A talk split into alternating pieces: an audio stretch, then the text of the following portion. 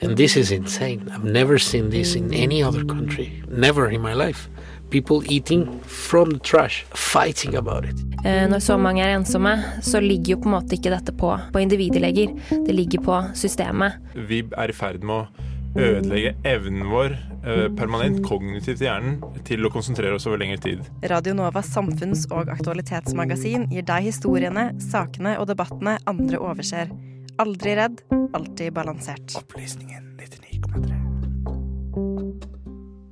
I en tid hvor sosiale medier er en stor del av hverdagen vår, og falske nyheter spres som ild i tørt gress, har det aldri vært viktigere med kildekritikk.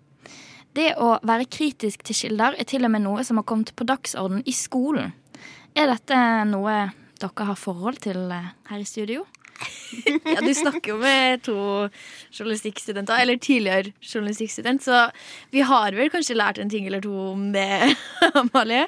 Men jeg har også lært om det på den vonde måten, for jeg ble jo lurt. Å. Eh, det her er faktisk kjempeflaut, men eh, ta det som en livslekse, alle dere som hører på. Nei, eh, altså Jeg leste da en artikkel om at Orange is the New Black eh, Det er noen år siden, selvfølgelig. Men at den serien skulle kanselleres fordi eh, det var ikke noe interesse for å se eh, liksom vanlige kvinner da, som ikke var sminka og kledd i kjoler og sånn. Eh, og jeg ble kjempesint, ikke sant? Og så viser det seg at jeg var en parodi. det var satire, og jeg bare å nei, å nei, å nei, når jeg har gått i satirefella. Så det kan jo Ja. skje.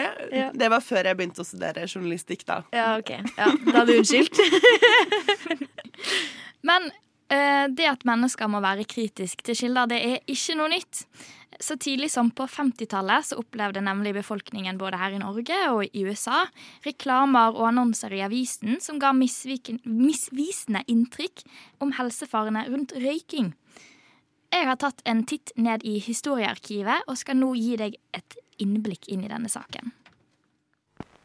Tidemannsgul. God i pipa, god til rulling. Når sommersol skinner, finner når du tenner en røyk med tidemanns JL Tidemanns tobakksfabrikk var en av Norges største tobakksprodusenter og var tidlig ute med utviklingen av reklame. Frem til 1950-årene var Tidemanns en av landets største reklamefilmannonsører. Når man gikk på butikken eller til kiosken på 50-tallet, kunne man lese store plakater som fortalte deg at man kunne unne seg en røyk og allikevel være i god form. Og kjendiser som sa at ja, nå røyker jeg òg prins. Det at tobakk ikke akkurat er direkte sunt, er noe man i dag tar for en selvfølge. Men man skal ikke så langt tilbake i tid før den generelle folkeoppfatningen var at det ikke kunne skade å ta seg en blås i ny og ne. I USA, så vel som her hjemme i Norge, kunne man til og med finne leger som reklamerte for hvorfor du burde røyke mer. Ifølge disse reklamene skulle røyking bl.a. beskytte deg mot sår hals, hjelpe med fordøyelsen og være bra for hjertet. I en reklame for Tidemanns sigaretter sier en norsk lege for de som har hjerte med uro og kluss, er Tidemanns sigaretter et pluss. Men det har vist seg at forskere allerede på 1950-tallet så en klar sammenheng mellom røyking og lungekreft.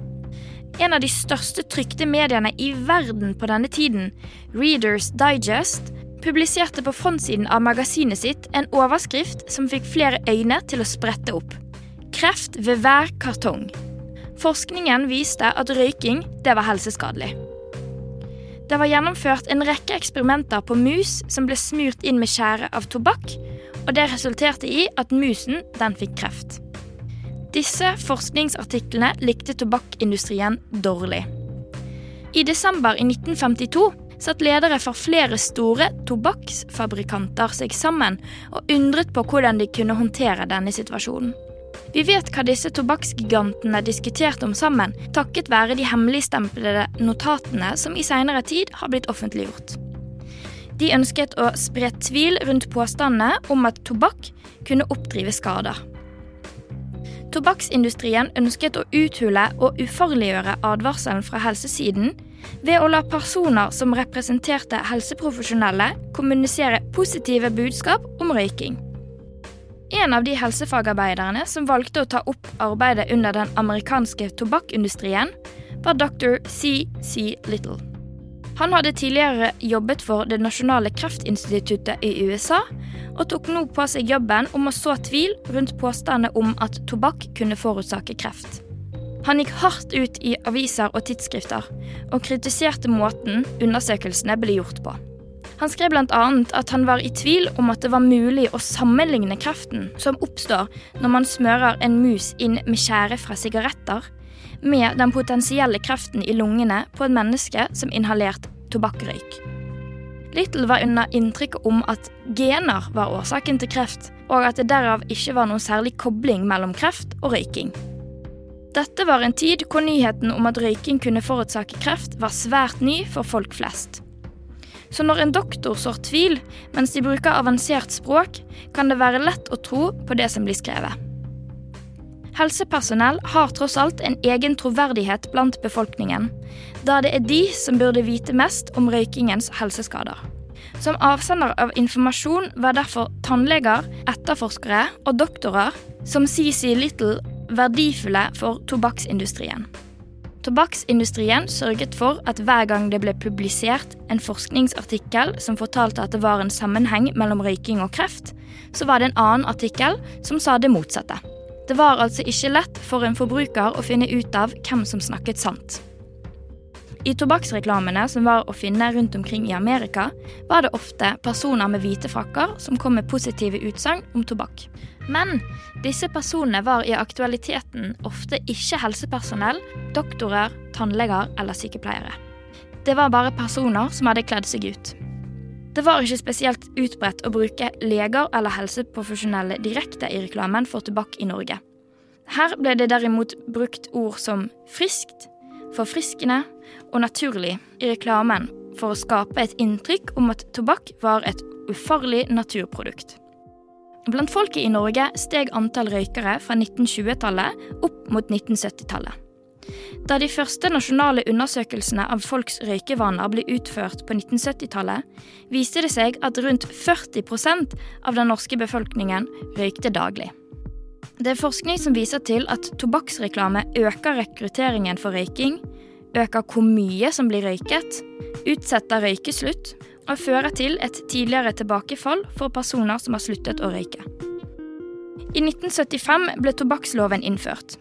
Tobakksloven omfattet bl.a. et forbud mot tobakksreklame, aldersgrense på tobakksvarer og påbud om merking på tobakksvarer med advarsel om helsefare. Effekten av denne loven, i tillegg til generell kunnskapsøkning i befolkningen, førte til at antall røykere har sunket jevnt og trutt siden 1970-tallet. I 2021 var antall som røykte daglig i Norge gått ned fra 40% til 8 Tobakksrelaterte dødsfall har fulgt en lignende kurve nedover, men med 30 års etterslep. Det vil si at andelen dødsfall grunnet røyking blant menn var på sitt høyeste rundt årtusenskiftet. Men det betyr òg at vi fortsatt ikke har sett det totale bildet av konsekvensene som den misvisende tobakksreklamen har påført samfunnet vårt. For til hyggestunden hører en god tobakk.